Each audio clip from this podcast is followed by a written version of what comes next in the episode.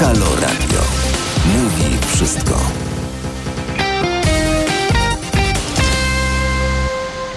Już 6 minut po godzinie 13.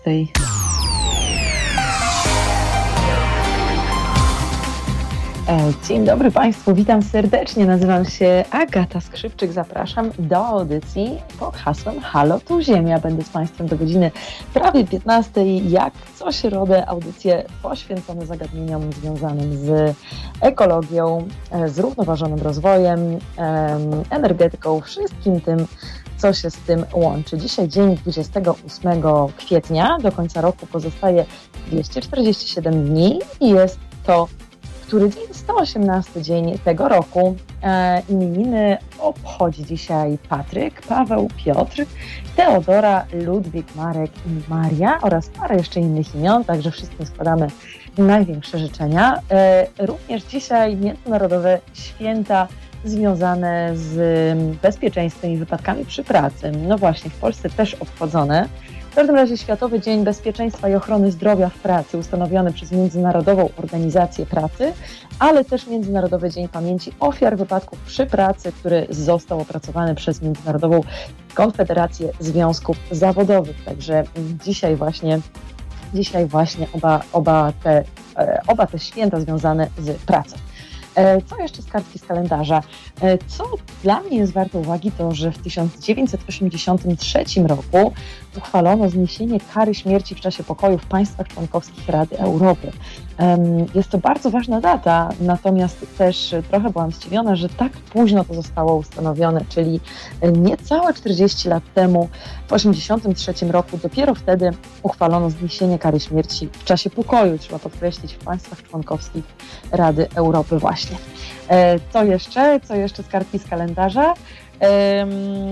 Co jeszcze chciałam Państwu powiedzieć? E, a no właśnie, dzisiaj też jest rocznica tego, że amerykański miliarder Denis Tito został pierwszym turystą kosmicznym jako członek załogi statku Sojus TM-32 w 2001 roku, czyli 20 lat temu mieliśmy do czynienia z pierwszą turystyką kosmiczną. E, ciekawe wygląda na to, że w tej chwili jesteśmy coraz bliżej jakiejś e, większej potencjalnie turystyki kosmicznej. Ciekawe, czy to będzie kolejny, kolejny kierunek. E, dzisiaj również jest rocznica śmierci Karola Modzelewskiego, który dwa lata temu, właśnie 28 kwietnia, zmarł w wieku 82 lat.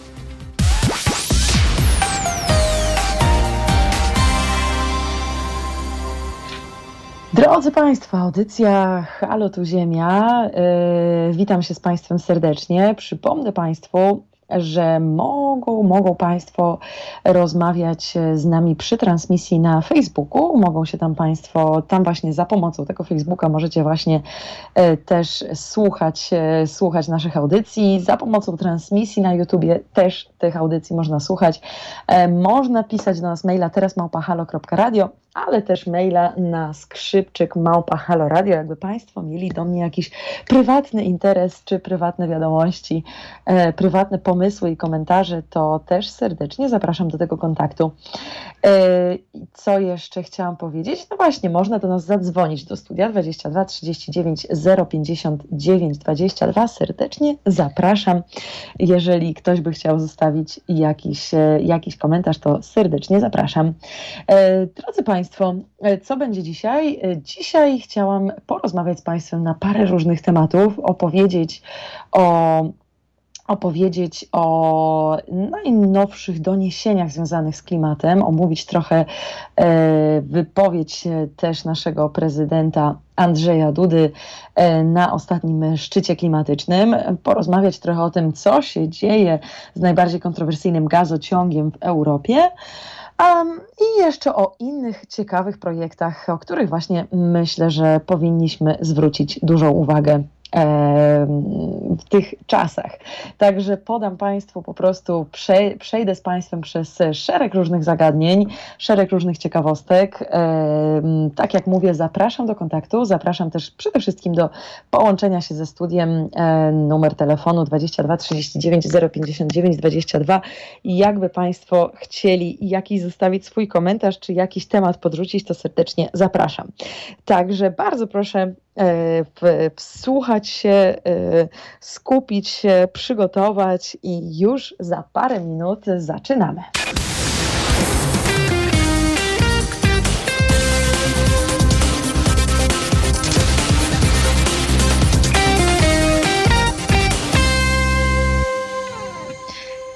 Jesteśmy już z powrotem. Halo Radio, Halo Tu Ziemia. Przypomnę Państwu, że mogą Państwo komentować tę audycję przy naszej transmisji e, na Facebooku. Tam też możecie za pomocą właśnie Facebooka, YouTube'a e, tych audycji słuchać. Można też wysyłać nam maila pod adres terasmałpahalo.radio, ale też dzwonić na antenę 22 39 059 22.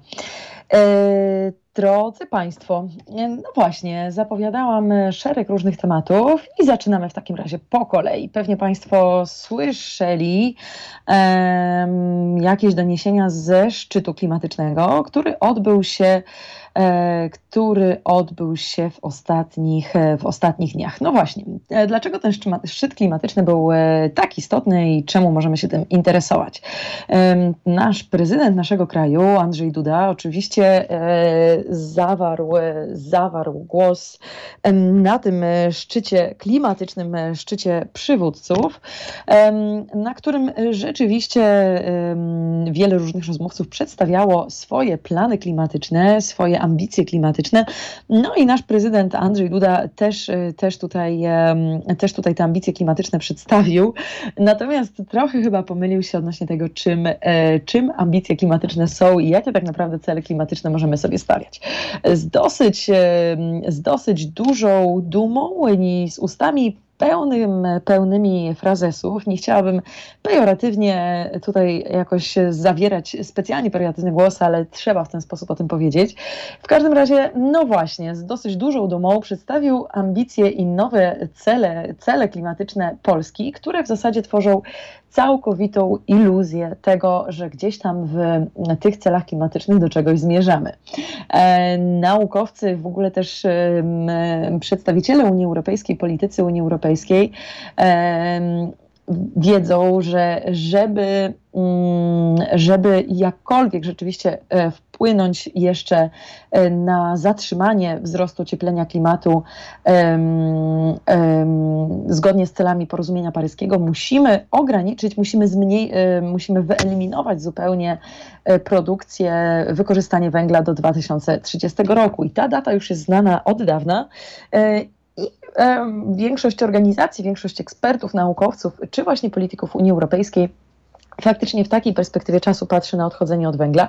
Natomiast prezydent Andrzej Duda na tym szczycie klimatycznym e, można powiedzieć, że nie popisał się zupełnie, e, podczas gdy przedstawił Polskę jako lidera polityki klimatycznej w Unii Europejskiej, jako kraj, który rzeczywiście e, zgadza się i podpisuje, podpisuje, mm, podpisuje założenia klimatyczne Unii Europejskiej, ale też powiedział, e, że ogłosił, że dopiero w 2049 roku e, Polska całkowicie zrezygnuje z działania kopalni węgla, z wykorzystania węgla. 2049 rok to jest kolosalna, kolosalna data zupełnie w kontekście tego 2030, 2035 maksymalnie roku, o którym też się rozmawiało, to on tutaj właśnie powiedział, że ten rok 2049 rokiem 49 e, został ustanowiony e, jako czas na ostateczne odejście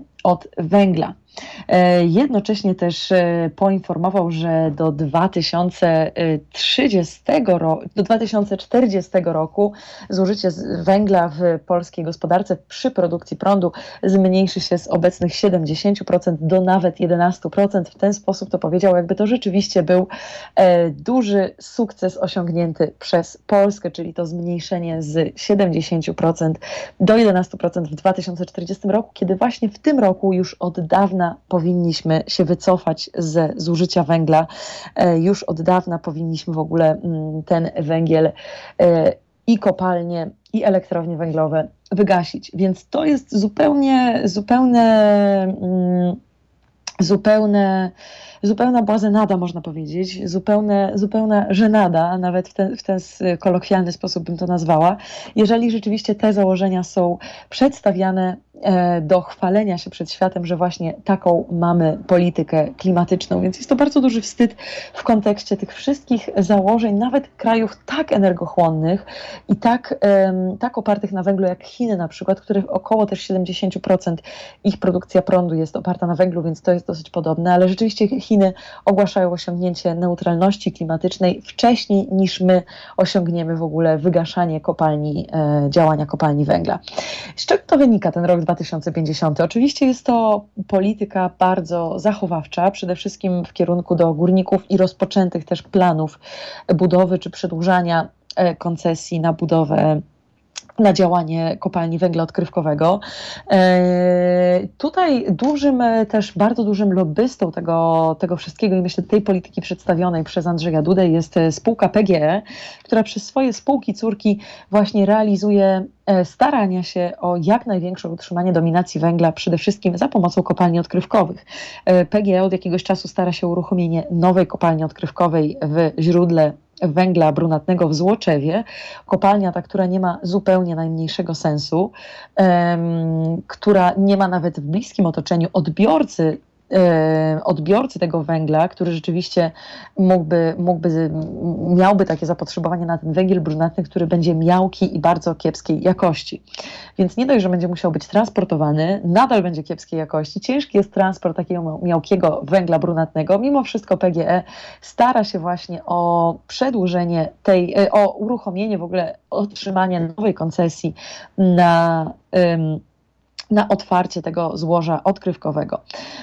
E, jest to zupełnie absurdalne. Właśnie ta wypowiedź prezydenta Dudy podsumowuje absurd tego, tej dominacji węglowej, którą mamy w Polsce. Cała Unia Europejska skupia się w tej chwili na sprawiedliwej transformacji, czyli na transformacji, która będzie inkluzywna, będzie uwzględniała interesy wszystkich grup społecznych i będzie przeprowadzana po prostu w sposób sprawiedliwy.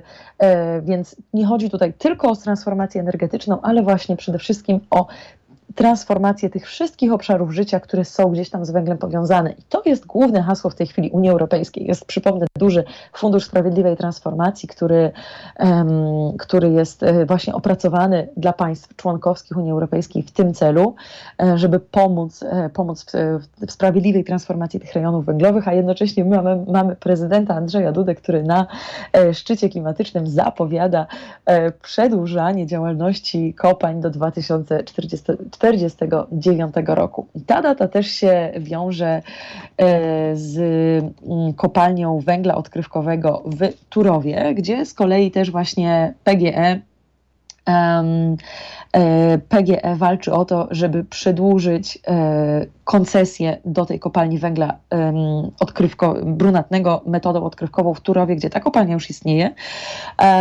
I zyskaliśmy sobie dosyć złą sławę tymi wszystkimi działaniami, ponieważ Czechy już złożyły protest e, przeciwko Polsce do Trybunału Sprawiedliwości e, Unii Europejskiej właśnie w tej sprawie, że nie możemy tych koncesji przedłużać, e, więc ta sprawa gdzieś tam stała na ostrzu noża, pewnie oczywiście znajdzie się na wokandzie sądowej, natomiast wygląda na to, że cała polityka energetyczna naszego kraju, czy polityka klimatyczna naszego kraju wesprze ten proces i wesprze te działania notabene spółki Skarbu Państwa. Um, więc y, wygląda, wygląda na to, że wygląda na to, że, że, że, że jest tam agenda za tym stojąca, która być może też, być może też ze strony PGE mówi się, że polega ona na tym, żeby rzeczywiście zwiększyć wartość tych aktywów węglowych, które są w, w posiadaniu PGE um, i z czasem wyodrębnić te aktywa węglowe w oddzielną spółkę, która miałaby zostać przekazana e, do Skarbu Państwa, wyodrębniona od PGE. Więc taka jest gra tutaj właśnie spółki PGE. Tak się domniemuje, że, że, że, że tego typu e, intencja za tym stoi. Natomiast jaka intencja stoi za, za takimi e, słowami, tak, takim opracowaniem polskiej polityki klimatycznej, e, ciężko zgadnąć. Na pewno jest to strzał w kolano. Jest to strzał w kolano nie tylko z punktu widzenia klimatu, bo oczywiście przedłużanie dominacji węgla w Polsce oznacza kolejne emisje i w momencie, kiedy wszystkie kraje Unii Europejskiej będą przechodziły w stronę tej zielonej transformacji, będziemy najbrudniejszym krajem z najgorszymi prawdopodobnie standardami powietrza i z największą emisją dwutlenku węgla do atmosfery i w ogóle z emisyjnością naszej gospodarki, opierając ją właśnie cały czas na węglu, na węglu. Ale z drugiej strony też tą całą polityką klimatyczną, energetyczną robimy bardzo dużą krzywdę e, społeczeństwom, robimy bardzo dużą krzywdę e, górnikom też, rodzinom górniczym, i całym właśnie tym obszarom rejonom, e, regionów węglowych, które mają w tej chwili szansę na to, żeby przez tą sprawiedliwą transformację przejść. Natomiast jeżeli nie sięgniemy po te środki z Unii Europejskiej, nie zaplanujemy tej transformacji teraz, e, to w 2050 roku z pewnością, czy w 2049 roku z pewnością będzie to zbyt późno, żeby żeby w odpowiedni, e, żeby w odpowiedni sposób ją przeprowadzić. E, też e, z drugiej strony mm, w tym samym czasie mm, przyszła bardzo pesymistyczna informacja o efektach rozmowy, rezultatach rozmowy rządu z górnikami. Też tam się można było się spodziewać, e, można było się spodziewać, że to porozumienie, które zostanie zawarte, rzeczywiście um, będzie zawierało sensowny, racjonalny plan odejścia od węgla. E, I, i, i upewnienie e, górników i ich rodzin, że, że będą mieli zapewnioną edukację, infrastrukturę do tego, żeby realizować się w inny sposób. Jednocześnie tutaj to porozumienie tak naprawdę utrzymało po prostu górniczy status quo, bo faktycznie e, zapowiedziało to, to trwanie węgla do 2049 roku, to trwanie tych kopalń do, do, do właśnie tego roku. I jest to porozumienie, które być może w krótkim terminie gdzieś tam e, udobrusza e, górników, sprawiając, że nie muszą przechodzić przez, przez zmiany, ale jest to po prostu niczym innym jak oszukiwaniem ich i e, trwaniem w jakiejś rzeczywistości, której kres już dawno nadszedł końca. Niestety, y, właśnie, drugą kwestią jest też, y, drugą kwestią jest też, jest też to, że żeby te kopalnie miały sens, żeby one mogły funkcjonować do 1949 roku, niezbędna będzie pomoc publiczna od naszego rządu, ponieważ już dawno zostało stwierdzone, że kopalnie będą, już są lub jeszcze właśnie za jakiś czas będą zupełnie nierentowne. E, ciężko sobie wyobrazić, żeby Komisja Europejska zgodziła się na obiecaną przez rząd pomoc publiczną dla kopalń, więc pomimo tego, że rząd doskonale sobie z tego musi zdawać sprawy, że Komisja Europejska się na to nie zgodzi, e, związki zawodowe też muszą sobie zdawać z tego sprawy, to jednak po prostu te obietnice, które zostały, zostały skierowane w kierunku do górników e, pod e, pod, pod hasłem jakiejś umowy społecznej, zupełnie po prostu tworzą iluzję i tak naprawdę oszukują właśnie te duże grupy społeczne, które czekają na jakieś konkretne rozwiązanie. Więc niestety nie popisaliśmy się na arenie międzynarodowej, e, ale nie popisaliśmy się też na własnej, naszym podwórku.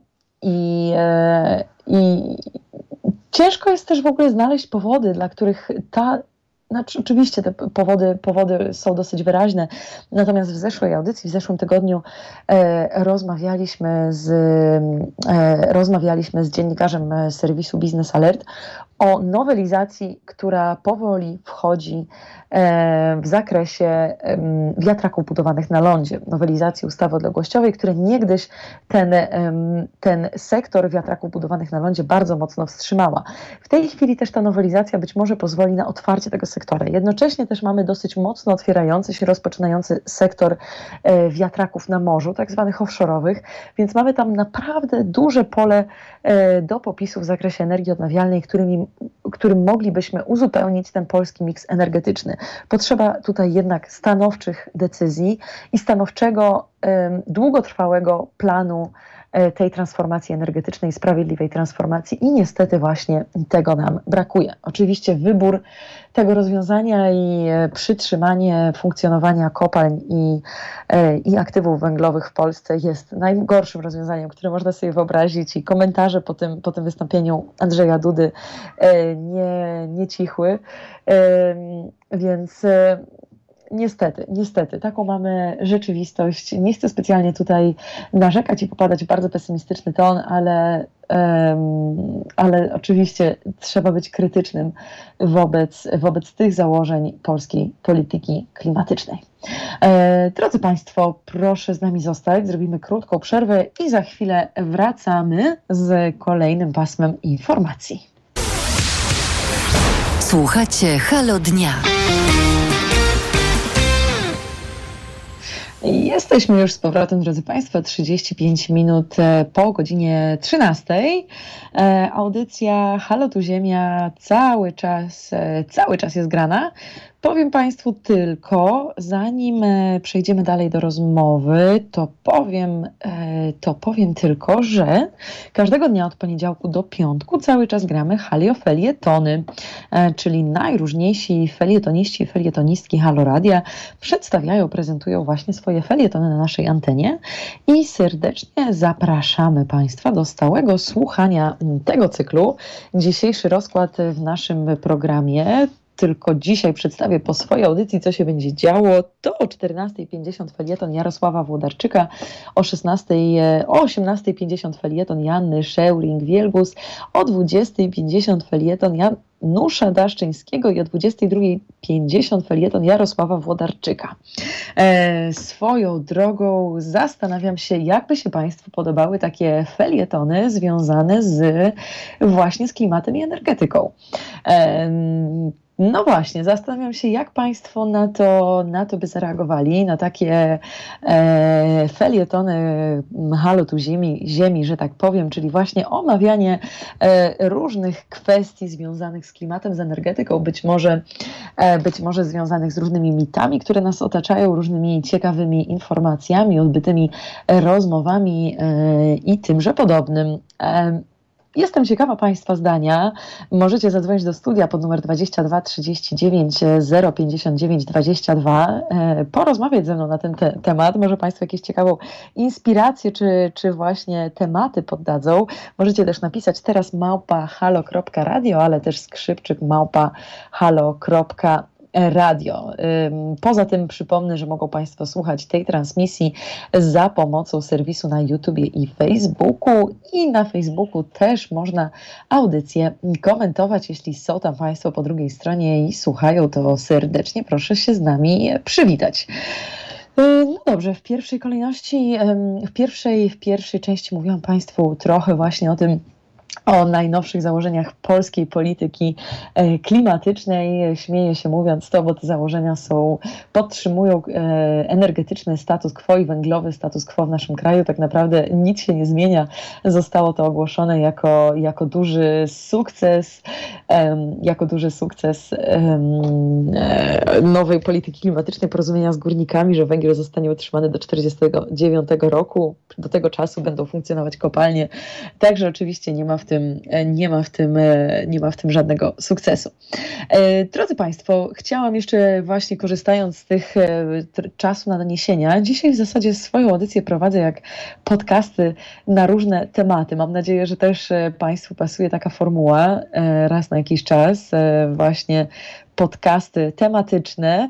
Teraz Państwu chciałam opowiedzieć doniesienia, które pokazały się e, wczoraj tak naprawdę. Wczoraj w niektórych mediach też dzisiaj, zależy kto jak szybko to podchwycił.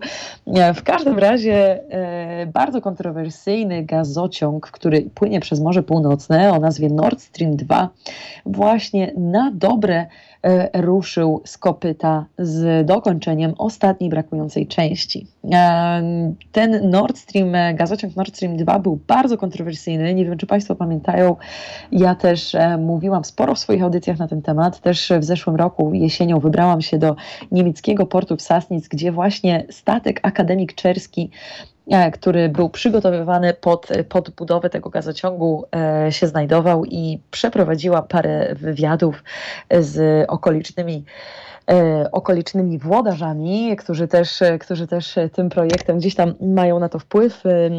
Przeprowadziłam małe śledztwo, publikowałam je też na portalu Business Alert też na antenie Haloradia. I e, no właśnie, czemu ten projekt był kontrowersyjny? Oczywiście dlatego, że jest to położenie drugiej nitki gazociągu Nord Stream, czyli właśnie Nord Stream 2, e, płynącego z Rosji do Niemiec. Gazociąg przeprowadzający oczywiście gaz naturalny z Rosji. Kontrowersyjne jest w tym to, że Niemcy nie potrzebują e, to praktycznie tego gazu, ponieważ w tej chwili mają, mają odpowiednią ilość gazu w swoim miksie energetycznym, zaspokajający, zaspokajający potrzebę, ich potrzeby energetyczne. W tej chwili gaz importują z Norwegii, a więc jest to ogromny, kolosalny projekt, który będzie e, ten gazociąg transportować aż 55 miliardów metrów sześciennych gazu ziemnego rocznie z, z właśnie z Rosji do Niemiec, bo to jest właśnie gaz, gaz ziemny, a nie naturalny. E, w każdym razie, mm, więc jest to kolosalny projekt, jak na to, że tak naprawdę nie jest zbytnio potrzebny, ale tutaj Niemcy mają swoją pewną motywację ekonomiczną, ten gaz będzie po prostu tańszy, też być może będą go sprzedawać do innych krajów. I zarówno politycznie to się zupełnie nie zgrywa, przecież Niemcy są jednym z większych liderów e, polityki klimatycznej Unii Europejskiej, nie zgrywa się to właśnie klimatycznie, nie zgrywa się to z planami energetyki Niemiec, które zakładają e, raz, że niezależność energetyczną, rozwój, e, rozwój źródeł odnawialnych, a jak już to, to wymianę energetyki, energii wewnątrz Unii Europejskiej, a tutaj nagle wielki gazociąg z Rosji, ale no właśnie, są tam jakieś ekonomiczne ekonomiczne podstawy tego, ale też dosyć spory lobby, bo chociażby właśnie e, właścicielem, inwestorem e, w tym projekcie jest spółka Gazprom i w Radzie, w Radzie Gazpromu zasiada Gerhard Schroeder, który e, niegdyś był kanclerzem Niemiec i właśnie wtedy, kiedy on był kanclerzem, to gdzieś tam te pierwsze, pierwsze pomysły na budowę w ogóle gazociągu powstały i teraz jakimś cudem wylądował w E, właśnie w, w, radzie, w radzie tej, tej spółki, więc jest tam dosyć sporo różnych też politycznych kontrowersji. W każdym razie e, Stany Zjednoczone, Stanom Zjednoczonym było bardzo to nie na rękę budowa tego, tego gazociągu oraz to ewentualna jakaś e, dosyć duży, duży udział właśnie Rosji w tej energetyce Unii Europejskiej, więc Stany Zjednoczone w zasadzie od końca 2019 roku zaczęły grozić sankcjami ze swojej strony jakimkolwiek firmom zaangażowanym w budowę tego gazociągu. Od razu, właśnie pod koniec 2019 roku, wycofała się szwajcarska firma, która, na których statkach, na której statkach, której statki miały być wykorzystywane do, do, do kończenia tego gazociągu, ale, ale Gazprom nadal się zupełnie nie ujął. Sporo spółek gdzieś tam się wycofało, sporo mniejszych firm. Nikt nie chciał być oficjalnie utożsamiany z tym projektem, ale wcale to nie przeszkodziło E, w dokończeniu tego projektu. No właśnie, i o co tutaj też chodzi? Chodzi o to, że to jest ogromnej długości gazociąg od Rosji do Niemiec, do tych, e, do właśnie portów Sasnic, czyli po prawej stronie od e, Rostoku około mniej więcej, no kawałek. I zostało jeszcze tylko 93 km e, tych, tych rur do ułożenia na wodach duńskich i około 28 km na wodach niemieckich, czyli, e, czyli całościowo to powiedzmy około 120 km do dokończenia, więc to jest tak naprawdę już nic. Ich rozchodziła się cała, cała tutaj sytuacja o te 120 brakujących metrów. E, od końca zeszłego roku, 2020, E, statki Fortuna i statek Akademik Czerski e, były przygotowywane do dokończenia tego odcinka. I właśnie wtedy pojechałam do tego portu w Sasnic, gdzie wszyscy i wszystkie media w Polsce, w Niemczech, na świecie mówiły, że ten projekt się nie wydarzy, bo ryzyko sankcji e, amerykańskich jest wystarczającą motywacją, żeby wszystkich z tego odstraszyć i żeby Niemcy w którymś momencie powiedziały weto, nie będziemy tego kontynuować, a ja tak nie. Wtedy, kiedy byłam właśnie w tym porcie w Sasnic, to z dużym zdziwieniem obserwowałam, jak e, wdarłam się gdzieś tam boczkiem do tego portu i obserwowałam, jak wszystko jest tam przygotowywane dokładnie pod to, żeby ten projekt ruszył. Więc z mojej perspektywy m, mm, to było pewne, pewne, że ten projekt ruszy, bo chodziło po prostu tam o duże pieniądze, w tle.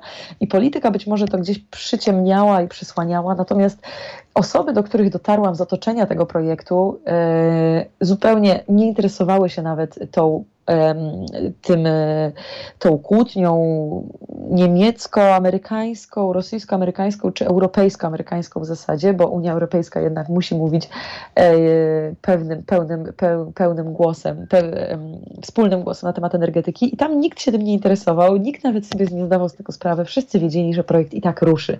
Takie mieli zalecenia, takie mieli przykazania odgórne, wiedzieli, że to się wydarzy.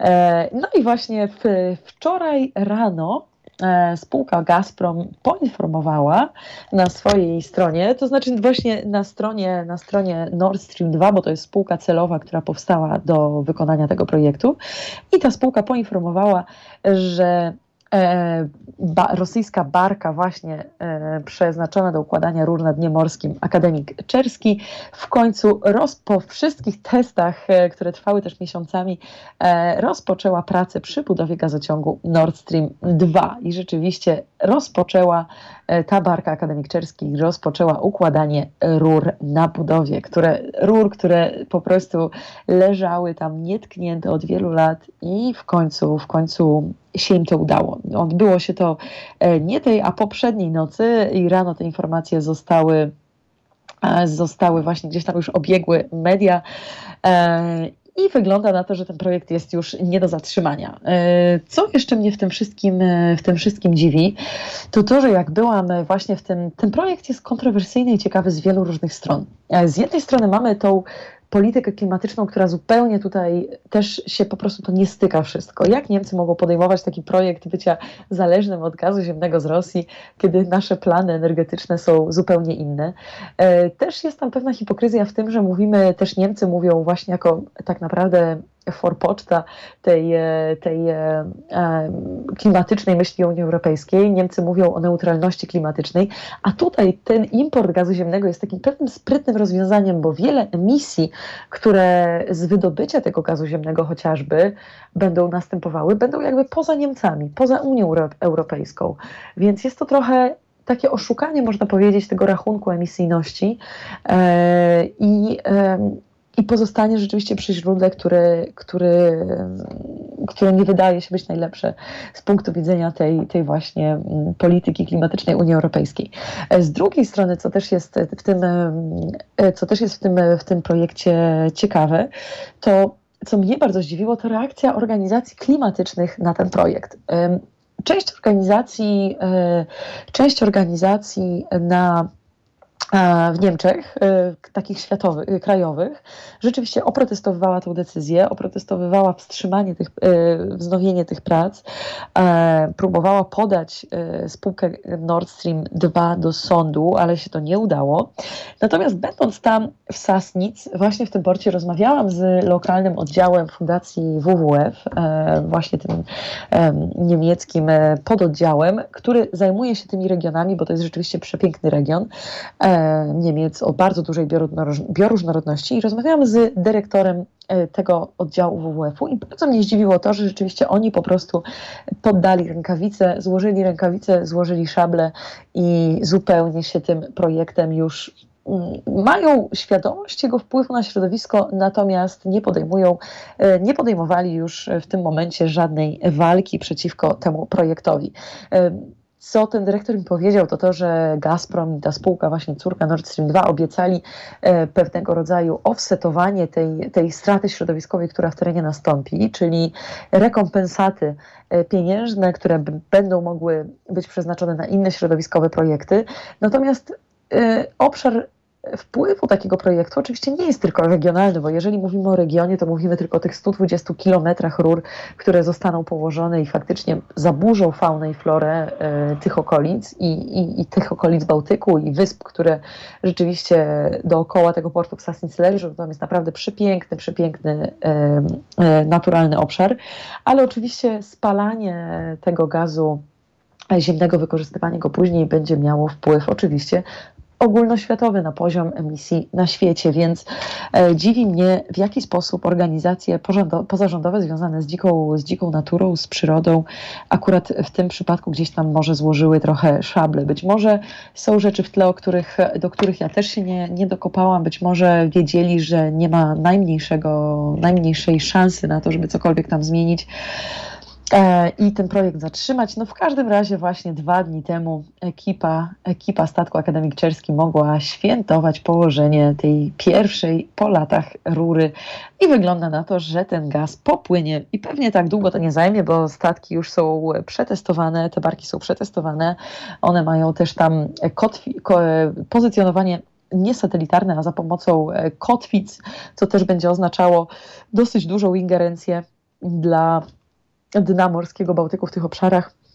No w każdym razie te wszystkie systemy, systemy też lokalizacyjne zostały e, pozycjonowania, zostały przetestowane, więc wygląda na to, że jak już ten projekt ruszy, to tak on już będzie kontynuowany i ten gaz rzeczywiście niedługo popłynie. No to tyle, to tyle z doniesień tutaj, tutaj niemieckich. To połączenie właśnie tej mojej poprzedniej, poprzedniej gdzieś tam misji dziennikarskiej z tymi najnowszymi doniesieniami. Mogą Państwo oczywiście wysłuchać też tego w podcastach Halo Radio, też o tym, e, będąc tam właśnie w Sasnic na żywo relacjonowałam e, to, czego się dowiedziałam, więc jeżeli Państwa ten projekt bardziej interesuje, to też oczywiście do tego zapraszam. E, drodzy Państwo, już za 10 minut, godzina 14, wygląda na to, że przyszedł czas na przerwę, e, po której to zapraszam Państwa na wiadomości, prognozę pogody i wracamy z kolejnymi dawkami informacji energetyczno-klimatycznych. Serdecznie Państwa zapraszam do pozostania z audycją Halo tu Ziemia. Halo Radio. Mówi wszystko. Już 6 minut po godzinie 14.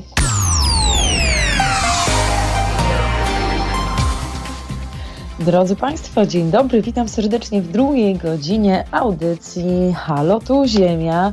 E, nazywam się Agata, Agata Skrzypczyk i jak zwykle co środę prowadzę audycje poświęcone zagadnieniom ekologicznym, klimatycznym, energetycznym, wszystkim tym, co się z tym łączy. No i właśnie zaczynamy drugą godzinę. Dzisiaj niezmiennie 28 kwietnia jest to 118 dzień roku. Do końca roku pozostaje cały czas 20, 247 dni. Dzisiaj minę obchodzą m.in. Patryk, Paweł, Piotr, Waleria, Joanna i Maria. E, dzisiaj też Światowy Dzień Bezpieczeństwa i Ochrony Zdrowia w Pracy, ustanowiony przez Międzynarodową Organizację Pracy, ale też Międzynarodowa Konfederacja Związków Zawodowych ustanowiła dzisiaj Dzień Pamięci Ofiar Wypadków przy Pracy. Który właśnie też jest obchodzony w Polsce od 2007 roku, czyli właśnie e, dzisiaj, dzisiaj mm, może jakaś większa uwaga i większe myśli właśnie e, w tym, w tym kierunku e, wiodą. Chciałam powiedzieć jeszcze, że dwa lata temu w wieku 82 lat zmarł Karol Modzelewski, polski historyk, profesor nauk humanistycznych, członek Polskiej Akademii Nauk, więzień polityczny i jeden z liderów opozycji demokratycznej w dawnym okresie. E, co jeszcze dzisiaj z kartki z kalendarza, to co mnie zainteresowało, to że w 2001 roku, czyli 20 lat temu, odbyła się pierwsza turystyczna podróż kosmiczna.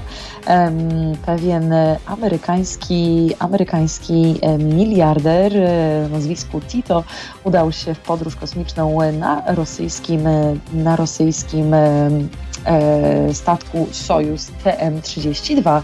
E, wydaje się, że turystyka kosmiczna będzie dosyć mocno się rozwijać. To tylko pewnie początki, które właśnie zaczęły się w tym 2001 roku. Jeszcze jedna kartka z kalendarza dla mnie istotna, to że w 1983 roku uchwalono zniesienie kary śmierci w czasie, w czasie pokoju w państwach członkowskich Rady Europy. Dosyć ważny krok, jeśli chodzi o prawa człowieka, humanitarne traktowanie więźniów i w ogóle właśnie traktowanie, e, różne zasady panujące w, czasach, w czasie pokoju właśnie też w, e, w Unii Europejskiej.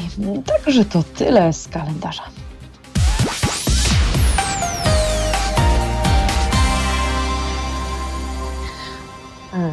Drodzy Państwo, tak e, sobie myślę, słuchałam, e, słuchałam właśnie w naszych wiadomościach e, podsumowania zniesienia różnych obostrzeń i to, że być może w końcu będziemy mogli um, poruszać się bez masek w obszarach zamkniętych. I tak sobie myślę, że i tak sobie myślę, że jednak że na, jednak cały czas bardzo polecam Państwu naturę i przyrodę. Jeżeli mamy tylko gdzieś e, obok siebie jakiś dostęp do, do naturalnych terenów, to wydaje mi się, że to jest obszar najmniej dotknięty całą tą sytuacją pandemiczną i w którym rzeczywiście najmniej czujemy, czy musimy założyć tą maskę, czy nie. Po prostu e, znajdujemy się tam w tak pierwotnych, rdzennych warunkach, które są nie, niewzruszone zupełnie takimi wydarzeniami. E, w moich e, rodzimych Mazurach, w których właśnie się znajduję dzisiaj, też jest te przejaśnienia dosyć, dosyć dosyć intensywny i rzeczywiście piękny, słoneczny poranek był e, i wykorzystałam to do wycieczki rowerowej nad jezioro mm, w niesamowitej ciszy, e, w niesamowitej e, w niesamowitym spokoju, tylko, tylko budzące się do życia drzewa, ptaki, już dosyć mocno obudzone i delikatny szum tej wody jeziornej. Naprawdę przepiękne okoliczności. Rzeczywiście ciężko jest tam czuć jakiekolwiek sytuację pandemiczną. Poza tym e, też jest e, już właśnie ten koniec kwietnia, początek maja jest też okresem, w, których, w którym kwitnie e, naprawdę sporo, nie kwitnie, ale, ale mm, rośnie naprawdę sporo jadalnych ziół i roślin. Być może o części z nich Państwo słyszeli, natomiast tutaj chociażby właśnie w mojej okolicy pojawia się dosyć dużo podagrycznika, e, kurdybanka, gwiazdecznicy. E, to są tylko niektóre z takich roślin, które rosną nawet na poboczach, gdzieś tam w lasach.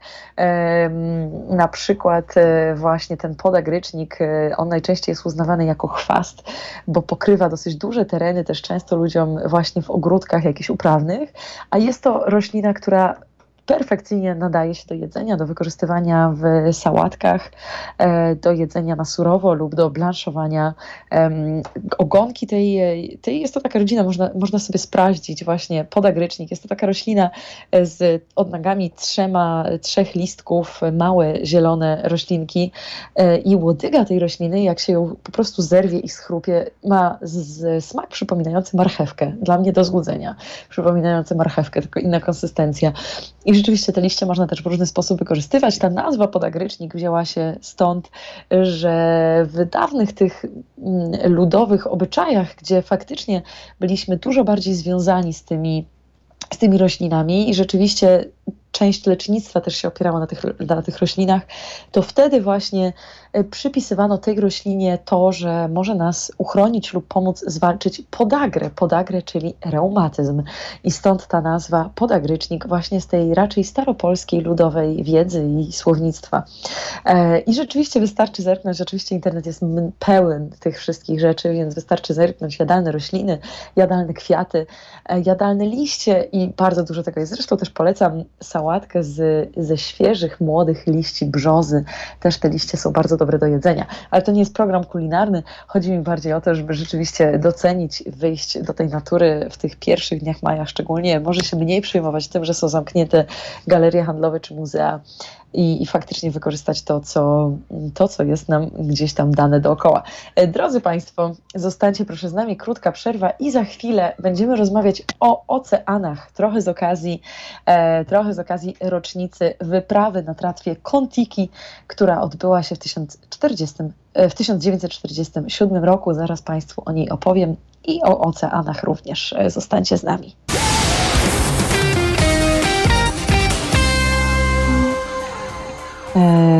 Drodzy Państwo, wracamy po przerwie 18 minut po godzinie 14. Raz jeszcze przypomnę, że mogą Państwo, e, jeśli, jeśli macie coś ciekawego czy nieciekawego do powiedzenia, mm, proszę zadzwonić do nas do studia na antenę pod numer 22 39 059 22. Nie wszystko musi być ciekawe, a może wszystko jest ciekawe tak naprawdę. E, także serdecznie zapraszam do kontaktu. Mogą też Państwo wysłać maila teraz małpahalo.radio ale też zostawić komentarz przy naszej transmisji na Facebooku, e, gdzie można też nas właśnie słuchać e, na bieżąco. Obiecałam temat oceanów i dlaczego o tych oceanach będę mówić. Składa się to trochę w całość. Dzisiejsze, dzisiejsza, dzisiejsza rocznica, o której zaraz powiem, rocznica wyprawy Kontiki z wieloma różnymi projektami związanymi z oceanami, ale przede wszystkim wielorybami. E, między innymi rozszyfrowywanie wielorybiej muzyki. przepiękny, niesamowity projekt, o którym e, z chęcią Państwu opowiem. Ale po kolei. Dlaczego właśnie o tym będę dzisiaj mówić? No właśnie, w 1947 roku norweski podróżnik Thor Heyerdahl, jeśli dobrze to czytam, wyruszył na tratwie Kontiki z Peru przez cały Ocean Spokojny. E, I gdzie miał trafić? Miał trafić na wyspy Polinezji. Jak Państwo spojrzą na mapie, to te wyspy Polinezji są po drugiej części mapy, a, e, a Peru jest e, Wyspy Polinezji są po tej prawej, a Peru jest po lewej stronie. Czemu to wszystko zrobił i skąd się to wzięło? No właśnie, to jest niesamowita historia. W ogóle jest też książka pod tym tytułem, właśnie Kontiki.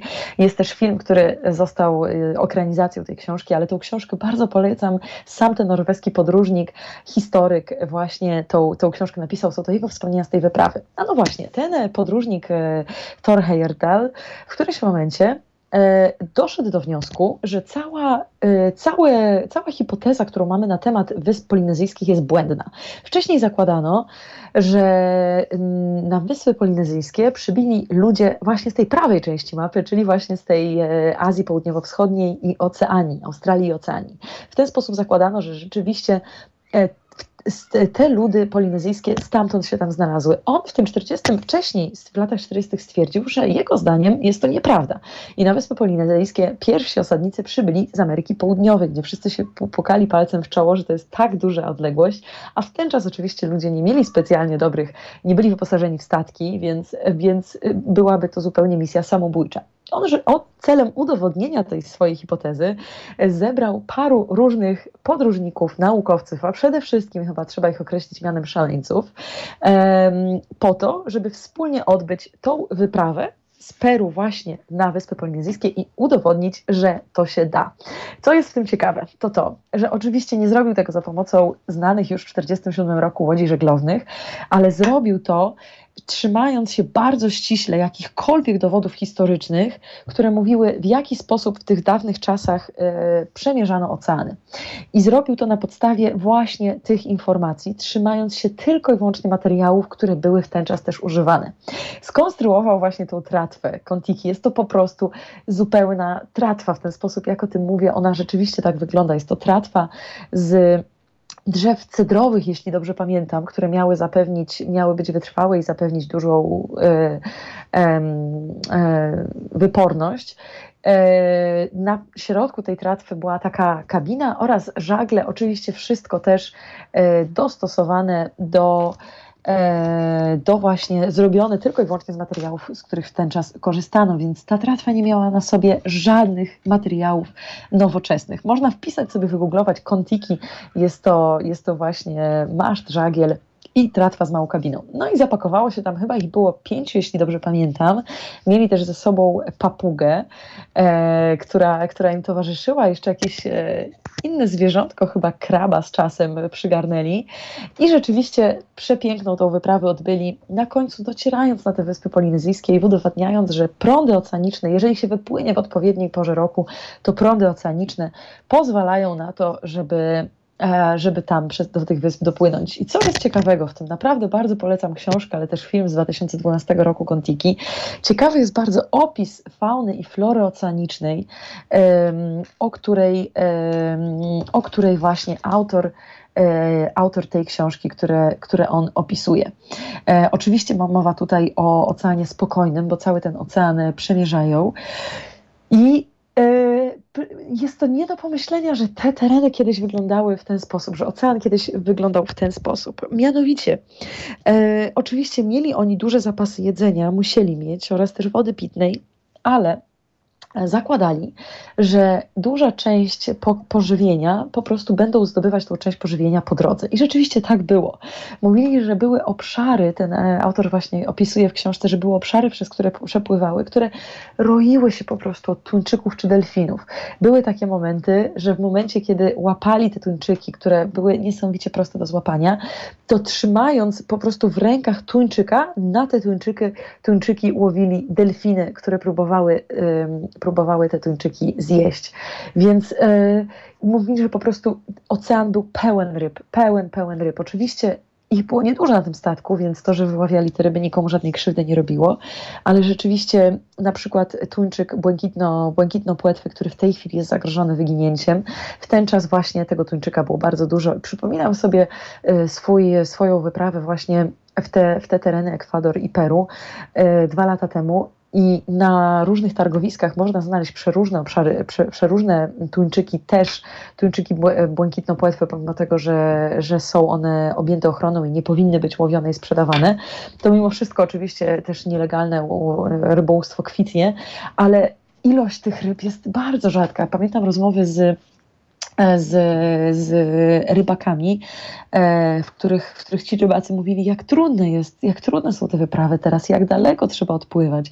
Ich łodzie, które mają, nie starczają na to, nie są wystarczające, żeby odpłynąć odpowiednio głęboko w ocean, żeby rzeczywiście złowić e, ryby, które mogliby później e, sprzedać i utrzymywać w ten sposób rodzinę.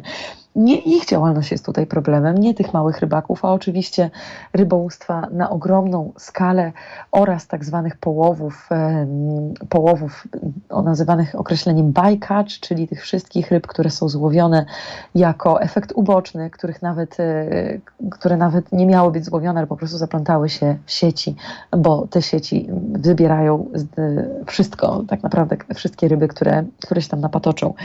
Więc e, niesamowita książka i naprawdę naprawdę ciężko uwierzyć, że to był 47 rok, właśnie jak dzisiaj spojrzałam w kartkę z kalendarza, że, że, że, że to tak naprawdę nie tak dawno temu, to ten opis przyrody jest e, trudny do uwierzenia, że, że, że, to, że to było jeszcze e, właśnie w naszym poprzednim wieku za, za tak naprawdę za naszych, genera- za naszych pokoleń. E, bardzo, bardzo serdecznie polecam tą książkę. No właśnie, druga rzecz, która jest też z tym związana, to bardzo dużo działań w tej chwili przeprowadzanych przez organizacje pozarządowe, ale też przez chociażby czasopismo i stronę National Geographic na rzecz wielorybów. W tej chwili dosyć dużo się mówi o dobrostanie wielorybów i o tym, w jaki sposób e, wędrówki statków komercyjnych, przede wszystkim transportowych, zagrażają wielorybom. E, jest parę gatunków e, zagrożonych wyginięciem, które są chronione i te, te statki rzeczywiście przepływając przez e, korytarze wędrówek e, tych, tych ssaków morskich nie mogą przypływać chociażby właśnie przez, przez korytarze wędrówek tych zagrożonych gatunków lub też muszą cały czas robić stały monitoring, monitoring który by wypatrywał, czy, czy gdzieś w okolicy te wieloryby się znajdują, czy trzeba zmienić swoją trasę. Natomiast jest duży, dużo bardzo przedstawicieli wielorybów, które nie są nie są chronione, nie są zagrożone wyginięciem i e, cierpią bardzo przede wszystkim przez kolizję z tymi statkami, ale też przez zanieczyszczenie hałasem. hałasy, które są wywoływane przez te wszystkie statki. Można sobie wyobrazić, to jest jak na autostradzie, jak zwierzyny leśne są przestraszone dźwiękami samochodów. W taki sam sposób mm, te ssaki morskie są przestraszone dźwiękami, e, dźwiękami tych wszystkich właśnie statków poszukiwawczych. Już nie mówiąc o tym, że wiele statków poszukiwawczych poszukuje ropy naftowej metodą sejsmiczną, czyli odbija po prostu duże cząstki właśnie dźwięków od dna morskiego i za pomocą sejsmiczną, e, za, za, właśnie za pomocą tej metody sejsmicznej mapują dno morskie i sprawdzają, jak, gdzie leżą jakieś właśnie surowce czy ropa naftowa.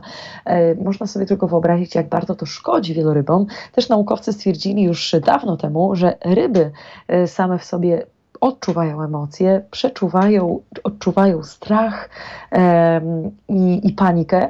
I oczywiście też wieloryby, które, które należą do, do rodziny ssaków morskich, e, do gatunków ssaków morskich. Um, jak najbardziej odczuwają emocje, wpływa to na ich dobrostan, e, wpływa to, wpływa to na ich, na ich to zanieczyszczenie hałasem, na ich właśnie stan emocjonalny.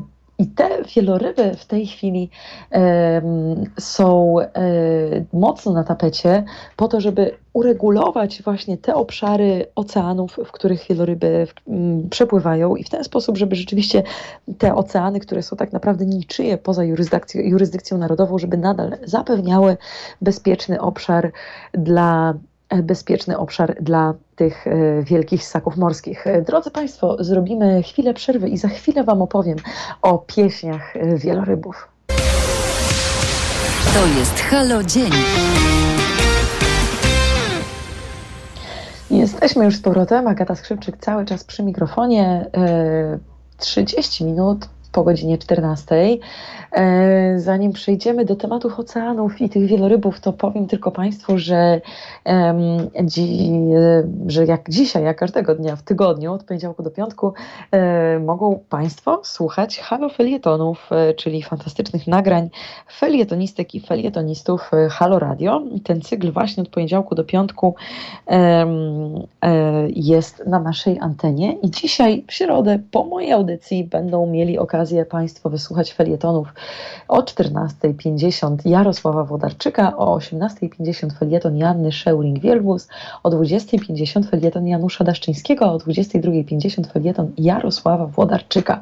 E, serdecznie Państwa tego zapraszam i jednocześnie stawiam pytanie raz jeszcze, co by Państwo pomyśleli o ekologicznych felietonach, co by Państwo pomyśleli o felietonach właśnie w tej tematyce. Krótkie omówienie pewnych zagadnień związanych z właśnie z dziedziną ekologii. E, czy by to Państwu się podobało, czy chcieliby Państwo tego słuchać? Jestem ciekawa Waszego zdania. E, jeżeli macie jakieś zdanie w tej sprawie lub jakieś pomysły czy inspiracje, zapraszam e, do zadzwonienia na antenę 22 39 059 22 lub e, napisanie na maila teraz małpahalo.radio lub też skrzypczyk małpahalo.radio.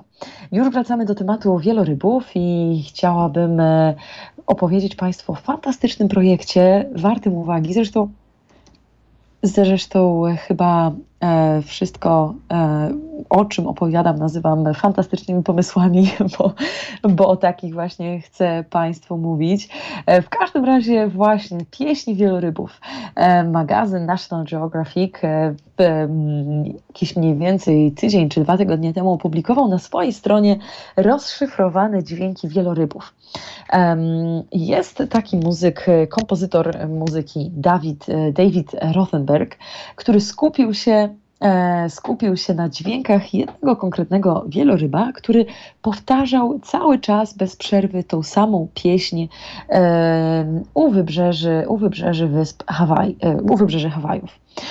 Cały czas te same pieśni, te same dźwięki. I co ten kompozytor zrobił? Nagrał te dźwięki wielorybów właśnie, nagrał je i jakby rozszyfrował je w taki sposób, że dobrał do tego odpowiednie nuty muzyczne. E, dobrał te odpowiednie nuty muzyczne i za pomocą, e, wydaje mi się, że, że to był puzon, jakiś właśnie denty instrument, mam wrażenie, że to brzmi jak puzon, te dźwięki po prostu odtworzył e, w taki sposób, że brzmi to jak nasza człowiecza muzyka, w ten sposób można to nazwać. Co musiał też tam zrobić? E, chodzi o to, że każda z tych pieśni wielorybniczych jest, e, ma dużą inną częstotliwość niż w większości nasza muzyka. E, on świetnie muzycznie to opisał. E, wyselekcjonował dźwięki różnych gatunków wielorybów, bo tam rzeczywiście w końcu zebrał paru gatunków wielorybów i znalazł w nich powtarzające się sekwencje. Wygląda na to, że jedna pieśń wielorybnicza może być wielorybia, może być trwać od 5 do 30 minut, ale ta jedna pieśń wielorybia jest powtarzana przez nawet 22 godziny. E, cały czas niezmiennie powtarzana ta sama, właśnie rozciągnięta, długie, e, niskie, wielorybie dźwięki. I on po prostu e, skrócił to w taki sposób, te pojedyncze dźwięki, żeby rzeczywiście były oddane dźwiękami pols- e, jakby naszych instrumentów i zapętlił to w ten sposób, że brzmi to jak taka ciągła, powtarzająca się pieśń wieloryba e, grana na puzonie. Brzmi to niesamowicie, brzmi to jak taki podwodny koncert jazzowy, w ten sposób bym to określiła. To są trzy czy cztery dźwięki, chyba trzy dźwięki, które cały czas się powtarzają, ale jest naprawdę niesamowite, że rzeczywiście tak jak, e, tak jak my, ludzie, oddajemy się muzyce od, od, od początku, tak naprawdę, od kiedy istnieliśmy, ta muzyka, wydawanie z siebie rytmicznych dźwięków było dla nas czymś naturalnym, tak też właśnie to zostało przy, to zostało właśnie zaobserwowane przy wielorybach. E, zapraszam do tego serdecznie. Niestety nie mogę tego Państwu puścić. Tutaj na antenie nie można było tego pobrać. E, jest to oczywiście interaktywny artykuł National Geographic, ale zachęcam Państwa do zapoznania się z tym, jeżeli wpiszą Państwo sobie w Google National Geographic e, i chociażby Whale Songs Decoded, to tam właśnie Państwo to znajdą. Ja też zresztą udostępniłam to na swoich profilach na LinkedInie i na Twitterze. Jeżeli wpiszą tam Państwo Agata Skrzypczyk, to, to znajdą mnie tam Państwo i mogą Państwo w ten sposób tego odsłuchać. Być może będzie najprościej. Więc, więc to jest właśnie ten, ten przepiękny, przepiękny temat. Tak jak powiedziałam, te, temat wielorybów w tej chwili jest e, dosyć sporo na tapecie wielu organizacji, udowadniania tego, w jaki sposób te ssaki są bezbronne, w jaki sposób są też emocjonalne, ile w nich jest pięknej wrażliwości. I te, też tutaj mówimy nie tylko o wielorybach, ale też właśnie duże skupienie jest chociażby na delfinach, które też znikają niestety z wielu obszarów, e, z wielu obszarów oceanicznych. Muszę tutaj pochwalić organizację WWF, która e, ma całą, całą akcję WWF Wales, która jest poświęcona w zasadzie nie tylko wielorybom, waleniom, ale też innym, e, innym zwierzętom morskim i ochronie właśnie tych zwierząt. E, jest to chyba australijska, australijski Austra, departament tej organizacji, który przede wszystkim się tym zajmuje ale, ale faktycznie zajmują się tą ochroną wielorybów na całym, na całym świecie. E, projekt, o którym ja usłyszałam właśnie od szefa, tej, szefa tego, tego wydziału wielorybiego WWF-u, e, o którym też bym Państwu chciała powiedzieć. E, bardzo ciekawy projekt, który powstał przy wsparciu WWF-u z Nowej Zelandii z kolei. Projekt, który się nazywa Maui 63. I czego on dotyczy? Dotyczy on gatunków delfinów, które nazywają się właśnie delfinami Maui. E, można też to zerknąć, e, można zerknąć w Google'ach. Wydaje mi się, że po polsku jest to tonin północny, w ten sposób się go określa, lub właśnie delfin Maui. I szacuje się, że on występuje właśnie w tych obszarach nowo, wód nowozelandzkich i szacuje się, że niestety zostało w tej chwili tylko 63, 60, 63 3 właśnie przedstawicieli tego gatunku. I dlatego zostało opracowane bardzo ciekawe rozwiązanie, właśnie startup, który się nazywa Maui 63, został wsparty przez, przez właśnie ten oddział WWF-u i polega no, on na opracowaniu technologii wykrywania i śledzenia tych gatunków delfinów za pomocą inteligentnych dronów. Jest to połączenie e, dronów z, ze sztuczną inteligencją i drony te jeszcze w tej chwili są testowane, opracowywane, miałyby e, e, latać nad tymi obszarami Nowej Zelandii, wykrywać te właśnie toniny toniny, toniny północne, tak? To było toniny północne, czyli właśnie te delfiny Maui i śledzić trasy ich wędrówek. Czyli rzeczywiście zupełnie autonomicznie to, to, ten proces miałby się odbywać i w ten sposób e, naukowcy z, zdobyliby lepsze zrozumienie, w jaki sposób wyglądają te trasy wędrówek delfinów, co im zagraża i e, jak można by było im pomóc i ochronić je, ochronić je e, w taki sposób, żeby żeby mogłyby, żeby mogły, żeby ten gatunek mógł przetrwać. E, także to tyle. E, tutaj ten startup jest też mały, to trzy osoby, trzy osoby, które ten startup założyły właśnie z tym wsparciem finansowym, więc myślę, że e, mam wrażenie, że jest to specjalnie, szczególnie warte mówienia i szczególnie warte przekazywania, że takie projekty, fantastyczne, pozytywne rozwiązania istnieją. Także drodzy Państwo, taką polecam Wam oceaniczną lekturę, film lub książka Kontiki. Książka jest zdecydowanie lepsza oczywiście. Jest, jest to opis, e, jest to opis e, taki dziennik po prostu tego norweskiego naukowca, który zorganizował w 1947 roku wyprawę tratwą przez od Peru do Wysp Polinezyjskich. Książka Kontiki, film oczywiście bardziej spopularyzowany, ale również polecam pod tym samym tytułem oraz pieśni wielorybów przedstawione za pomocą dźwięków granych przez Puzon. E, na stronie National Geographic mogą to Państwo też znaleźć e, na moich profilach na LinkedInie i na Twitterze, jeśli chcecie Państwo posłuchać, jak brzmiałyby pieśni wielorybów grane w klubie jazzowym na Puzonie. Naprawdę świetne, po prostu jestem pod wrażeniem, pod wrażeniem tego projektu, więc serdecznie Państwa do tego zapraszam.